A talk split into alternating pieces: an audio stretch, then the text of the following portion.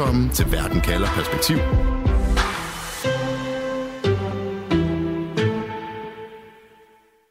Han laver fistbombs med Joe Biden og krammer Putin, og han lokker fodboldstjerner som Cristiano Ronaldo til at spille i Saudi-Arabien ved at forgylde dem.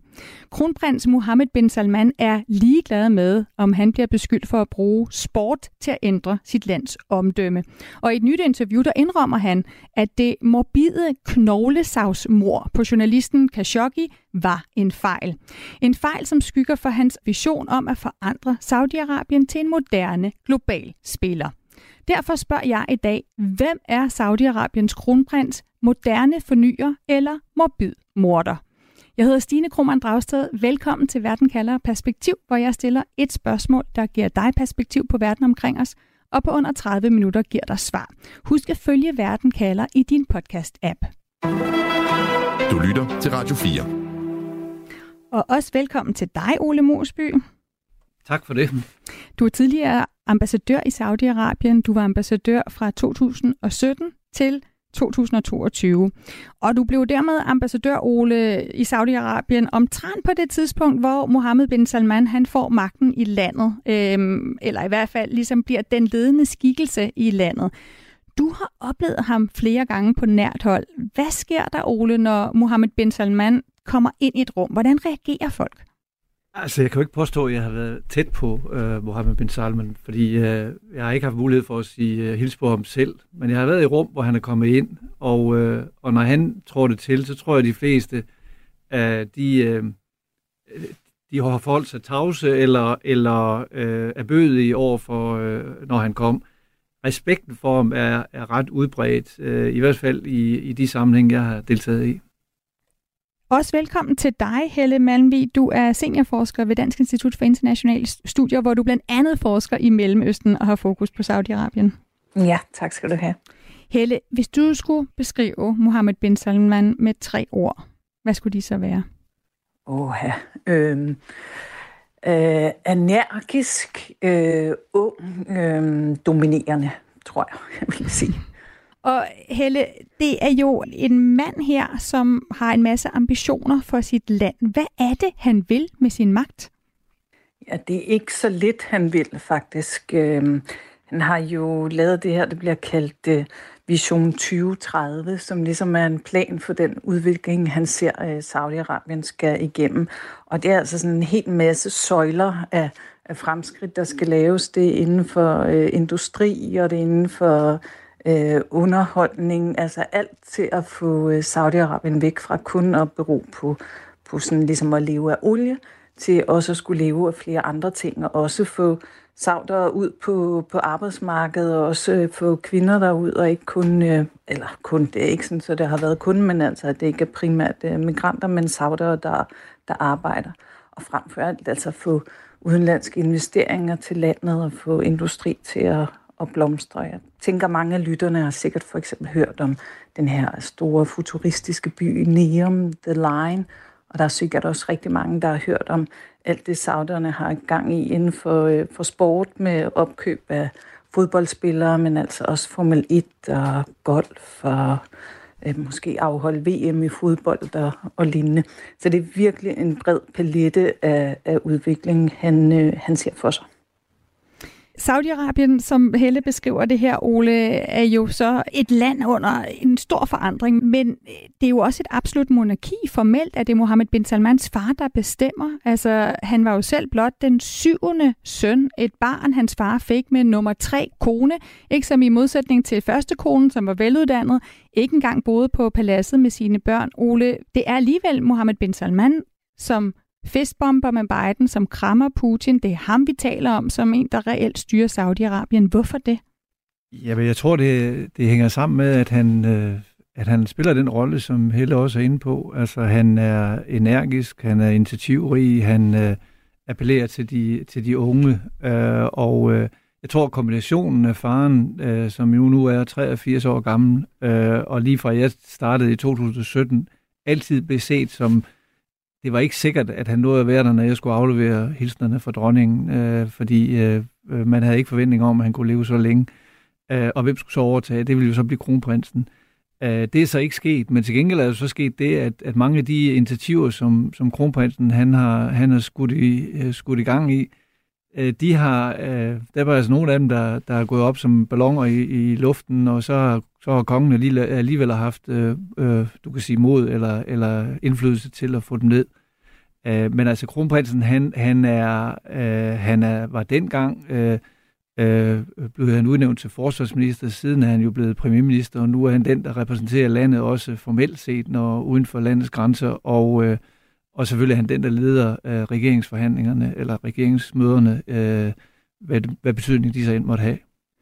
Og leder et land, øh, som er verdens største olieeksportør, altså Saudi-Arabien, et land, der er blevet hovedrige på det her sorte guld, øh, Mohammed bin Salman, som Helle fortæller, ønsker så simpelthen, at Saudi-Arabien skal, skal noget andet, altså også skal kunne overleve uden olien. Og det er den nødvendighed, hans vision udspringer af, at det her fossile eventyr, det slutter på et tidspunkt. Ole, prøv lige at forklare, da du kommer til Saudi-Arabien lige efter, at Mohammed bin Salman på en eller anden måde mere øh, reelt sætter sig på magten, og du følger ham og oplever den udvikling, hvor han starter hele sin vision om at modernisere samfundet og økonomien. Hvordan kan du mærke det? Altså kan man mærke det i hverdagen? Hvad er det, der sådan helt øh, mærkbart sker, øh, efter han træder til? Jamen altså, der sker, du, du kan sige, at jeg kom i september 2017 med en forventning om, øh, som øh, en forventning, der var ligesom præget af, hvad jeg, hvad jeg kunne få at vide om, om landet. Jeg havde ikke været der før. Øh, og øh, øh der kan man sige, der var det jo øh, en forventning om, at det var et meget mere øh, strikt øh, samfund, end, øh, end det, jeg oplevede med, øh, lige efter jeg var kommet. Den første, det første møde, jeg var i, var jo øh, det, der hed Future Investment Initiative, som blev taget i, i øh, september 2017. Og det var der, hvor, hvor kronprinsen han var på scenen, og ikke med et manuskript, men han stod simpelthen på scenen, øh, og en journalist blev spurgt om, øh, hvad hans visioner var. Og en af de ting, han der refererede til, det var jo et, et opgør med, øh, med øh, øh, nogle af de religiøse øh, fanatikere i, øh, øh i øh, Saudi-Arabien. Det var opgøret med, øh, med øh, terroristansvarlige øh, øh, øh, i hele regionen. Og det var for ham at se øh, et, et forsøg på at komme tilbage til sådan, som det var i Saudi-Arabien i 70'erne, øh, før man fik øh, revolutionen i Iran, og lige pludselig øh, omstillede sig til at være sådan en meget mere øh, religiøst orienteret øh, sted end, end før. Og det betød jo, at vi, øh, vi meget, meget hurtigt kunne, øh, kunne se de forandringer, som vi ikke havde regnet med. Der var ikke nogen... Øh, der var ikke noget moral øh, politi. Vi fik meget hurtigt opgjort, at øh, man kunne komme ind på en restaurant uden at skulle dele sig i øh, familie entrance og så, øh, og så en almindelig entrance, øh, som kun var for mænd. Øh, det er nu væk. Nu er der kun én dør, og vi kan alle sidde omkring øh, øh, det samme sted i restauranten. Vi, vi oplever en, en, øh, en, en, øh, en meget, meget øh, større fokus på, hvad der var, øh, kan man sige, vestlige værdier i, øh, i den måde, de, øh, de også omtalte og kommunikerede på, end, øh, end vi så før. Øh, så, så allerede i 2017 øh, skete der noget. Så skete der selvfølgelig også noget andet, men, men øh, jeg vil sige 2017, mm. 2018 og 19 øh, det var virkelig, øh, der var virkelig store fremskridt. Der sker en forandring, som blandt andet også betyder, at øh, familier og kvinder og, og mænd kan omgås på en helt anden måde. Så og Helle, der, der står jeg jo og tænker, nu har vi hørt meget om det her brutale moralpoliti i Iran, som anholder og tæver piger mm. og kvinder, hvis de ikke har slør på, hvis de bare viser en, en tot hår. I Saudi-Arabien er der jo også mm. et stærkt moralpoliti, da Mohammed bin Salman kommer til. Der straffer kvinder, hvis de ikke er dækket til. Der straffer mænd, der går i shorts der er det her landets mm. ultrakonservative religiøse gruppe, ikke, som kongedømmet, som Ole fortæller, har samarbejdet med og givet indflydelse for ligesom at tænke, så får vi ikke en religiøs øh, revolution. Hvordan får MBS, mm. hvordan får Mohammed bin Salman gjort op med de her konservative kræfter? Jamen altså, han får at flere veje i virkeligheden. Ikke? Altså dels så kan man sige, at det her religiøse moralpoliti, altså de eksisterer stadigvæk godt nok på, øh, på papiret, men sådan øh, reelt øh, har de ikke nogen indflydelse længere. Altså, så det er ikke sådan, som man skal forestille sig, at de nu går rundt i gaderne, ligesom de gjorde før, og kigger på, hvordan folk er klædt, eller om nogen holder hinanden i hånden, eller er til koncerter, eller, eller lignende. Og det har han jo både gjort ved, at han simpelthen har liberaliseret lovgivningen, så vi alt fra, at øh, kvinder jo altså godt må køre bil, som Ole fortæller om, at nu er restauranterne ikke kønsopdelt, altså kønnene må godt blande sig med hinanden. Der er jo altså koncerter og biografer og altså store, øhm, store sådan statsorganiserede raves simpelthen også i Riyadh og rundt omkring i, øh, i Saudi-Arabien. Så på den måde har han jo virkelig fået sat øhm, de religiøses indflydelse sådan i, altså om ikke i skak, men i hvert fald begrænset den betydeligt. Og det har han jo blandt andet gjort ved øh, også at vise sig som en, altså, en meget, meget autoritær leder. Øh, mm. Han kom til magten ved et, altså, jeg ved ikke, man, nogen kalder det et fløjlskup, og, øh, og kort tid efter så meget øh, famøs, så, øh, så indespærrede han jo altså en hel række af, af prinser og folk fra, fra administrationen på, på Ritz-Carlton, og, øh, og derudover, altså vi kender jo øh, hele historien, som, som muligt også hentyd til med journalisten Khashoggi, altså dissidenter i udlandet, som, øh, som også bliver forfulgt, og, mm. og bare, jeg tror det var i går, at vi har en, øh, en, en sag også med en ung pige, der har været kritisk på sociale medier, som bliver slået hårdt ned, så det er jo også, øh, det er jo en blanding af, at han både har altså åbnede landet og liberaliserede enormt på den sociale sfære, og som er meget populært i store dele, især af den unge befolkning, og langt de fleste sauder er, er, er unge. Men med den anden hånd, han, han er altså også strammet endnu mere sådan øh, rent politisk. Helle, er det ikke risikabelt? Altså sådan et opgør med religiøse og konservative, jo nærmest med et præstestyre, og, og, og også et opgør med den interne magtstruktur. Er det ikke risikabelt for ham? Jo, jeg tænker, det er risikabelt, fordi øh, han lægger sig ud med den, øh, hvad kan man sige, den søjle, som, øh, som styret traditionelt har, har lænet sig op af, altså netop øh, øh, wahhabismen eller de religiøse lærte, som ligesom har givet legitimitet til styret og legitimitet til lovgivning. Øh, og nu lægger han sig ud med med dele af dem, og jo altså også har lagt sig ud på de indre linjer øh, hos nogle af, af prinserne, eller nogen, der måske gerne selv havde ville være, være kronprins. Men samtidig er min fornemmelse også, og det kan kun være en fornemmelse, ikke? men, men øh, da, da jeg var der i foråret, og jeg talte med utrolig mange ja, unge som gamle, og de var jo altså vanvittigt begejstrede over den måde, som, øh, som han har åbnet landet på, og også en vis... Øh, altså stolthed, kan man sige, ikke? hvor de før siger, at før så blev øh, Saudi-Arabien altså omtalt for, for noget dårligt, men nu er der alle de her store begivenheder, det er jo både sportsbegivenheder, men altså også den her by øh, Neum, ikke?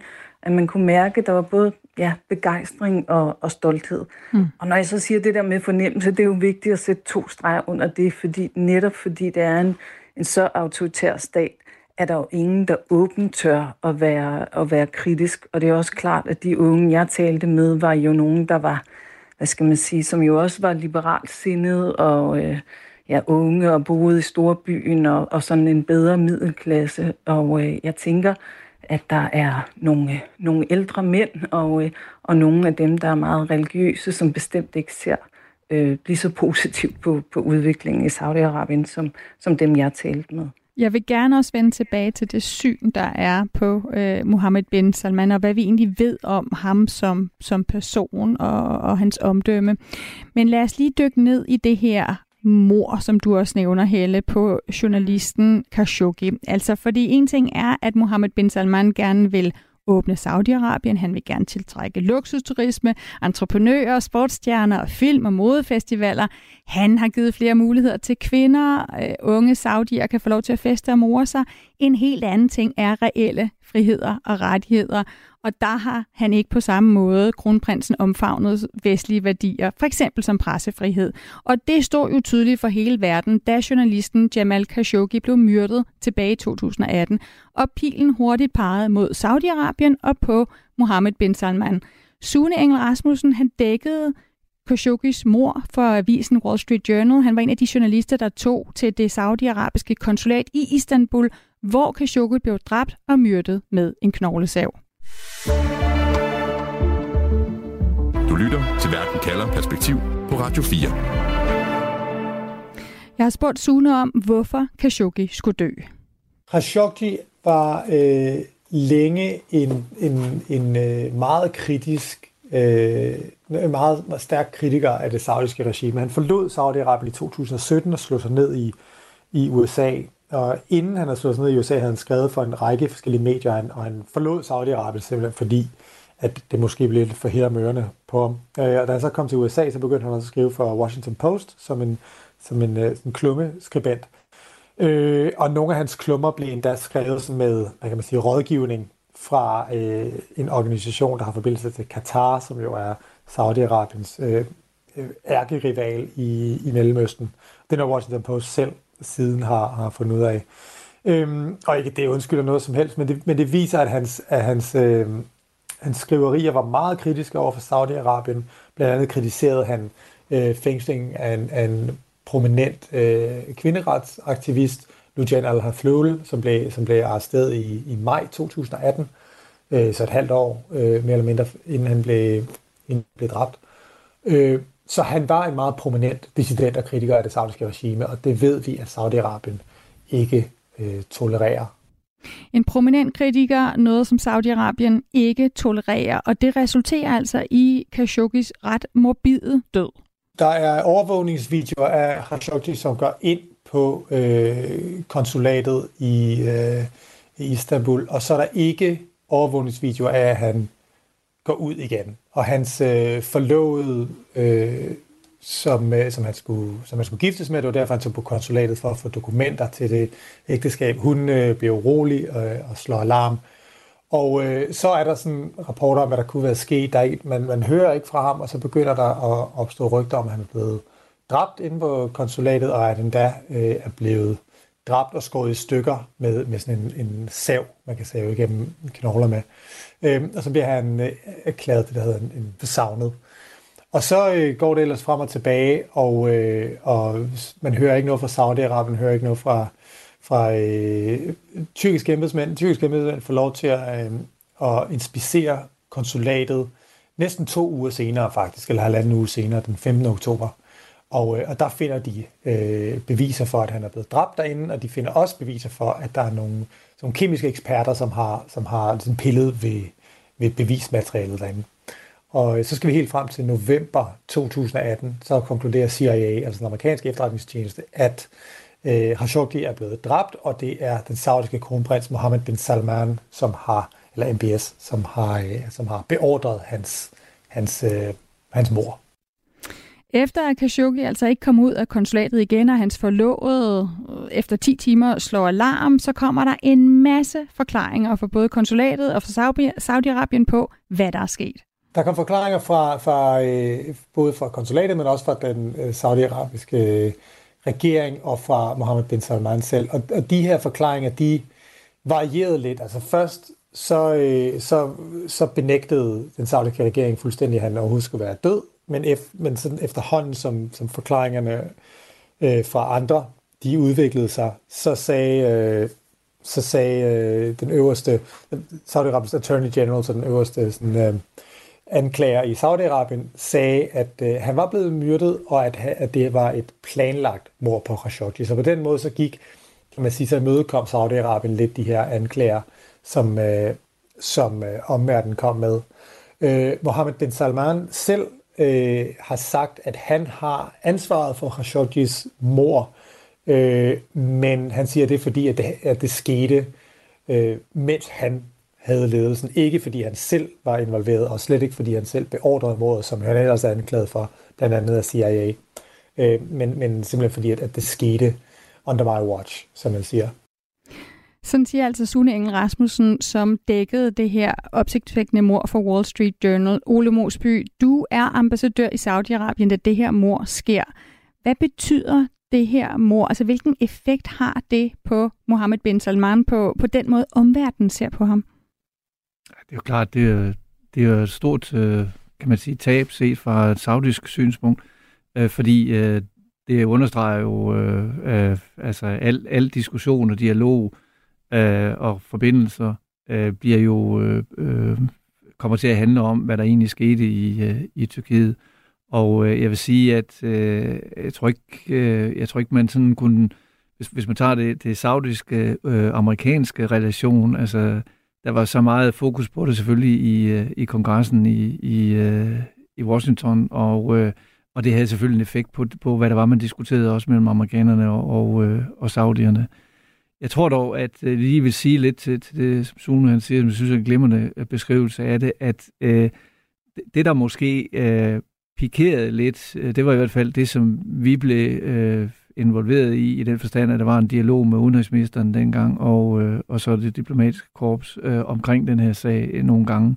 Og det vi blev, blev, øh, blev lidt pikeret af, det var selvfølgelig, at, at der var en, en, øh, en klar forståelse i, øh, i Riyadh i hvert fald hos øh, saudierne, at øh, Tyrkiet og specielt øh, præsident Erdogan, at han havde et rankespil øh, omkring det. Han havde, der var ting, som han øh, både timingmæssigt og så videre øh, placeret på en måde, så han, øh, han fik øh, meget mere indflydelse på det, end, end øh, det var forudsat. Så det var ikke med til at, at forbedre relationerne mellem, øh, som ikke i forvejen ikke var særlig gode, mellem, øh, på det tidspunkt mellem Saudi-Arabien og, og Tyrkiet, øh, den her sag. Men øh, det, det for, altså, det, det flytter selvfølgelig ikke billedet af, at, øh, at det var et stort øh, jeg tror, det var et stort uh, tab, stort forklaringsproblem, som Saudierne de havde med, hvordan det her det var sket. Mm. Og når uh, kronprinsen, han, han, som også det rigtigt bliver sagt, uh, tog ansvaret for det, så var det jo, uh, fordi han har ansvaret for, hvad der bliver lavet. Og uh, det var det næsten et ansvar for, at det her var uh, nogen i egne rækker, der havde, der havde lavet noget, uh, noget galt. Og det var så et spørgsmål om, hvordan man håndterede det rent retsmæssigt. Så har han jo nu, Helle, i et interview, han lige har givet, det første interview, han giver helt på engelsk til Fox News, mm. det amerikanske medie, sagt, at det her mor på Khashoggi, det var en fejl, det var smertefuldt, vi prøver at reformere sikkerhedssystemet, siger Mohammed bin Salman nu. Men Helle, der er jo stadig masser af mennesker, som bliver henrettet i Saudi-Arabien, og Mohammed bin Salman, han er heller ikke gået af vejen for en brutal krig i Yemen. Hvordan kan vi forklare det her paradoks med en kronprins, der vil modernisere samfundet på den ene side, og så stadigvæk styre landet med sådan en jernnæve? Jamen, jeg, jeg er ikke sikker på, at det er et, øh, er et paradoks egentlig. Altså, og det er jo desværre ikke sådan, så at alt godt går sammen. Altså, så, så med den ene hånd er det jo rigtigt, hele den her liberalisering og åbenheden ud mod, øh, mod verden og kvinder, flere rettigheder, alt det vi har talt om, den sociale liberalisering. Og på den anden side set, så har vi et øh, altså jo et, et brutalt enmandsstyre øh, i virkeligheden, og hvor der aldrig har været slået så hårdt ned på, øh, på enhver form for, for opposition. Øh, også på, øh, på sociale medier. Altså bare små pip er, er faktisk nok til, at man får langvarige øh, fængselsdomme eller endda øh, henrettelser.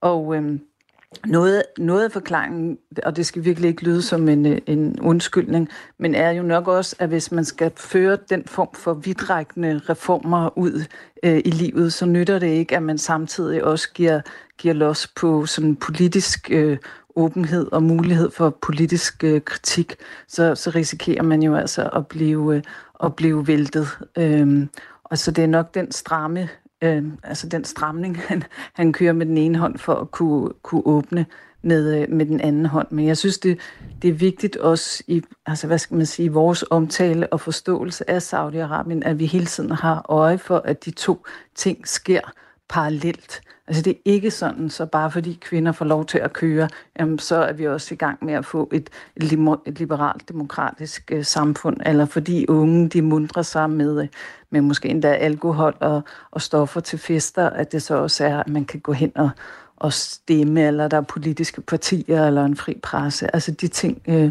følges, øh, følges ikke ad, og det kender vi jo altså også fra, fra andre steder øh, i verden, hvor de to ting ikke går, øh, går hånd i hånd.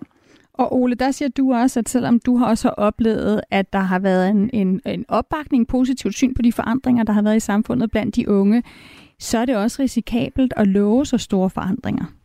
Ja, det tror jeg, det er. Altså, jeg, jeg vil sige, øh, øh alene det, at kronprinsen har, har taget opgøret med det religiøse, det religiøse del af det samfund, og øh, taget opgøret med en del af, af, af den øh, konge, af kongefamilien, øh, Øh, og, øh, og, og dermed placeret sig meget solidt øh, som magthaver. Altså, det, øh, det er da alt sammen noget, som, øh, som er på kanten af at være risikofyldt. Øh, og øh, vil han med sin, med sin nuværende øh, visioner for 2030, som Helle var inde på, øh, hvis han nu ender med, at han ikke øh, kan levere på det, så vil han jo tabe noget af det, som i hvert fald i øjeblikket ses som hans øh, opbakning blandt øh, mange af de unge mennesker, der er i, i det land. Jeg tror, der, der, der er så mange unge, som vil have en forventning om, at nu kan man i hvert fald ikke vende tilbage til noget, der, som, som det var før.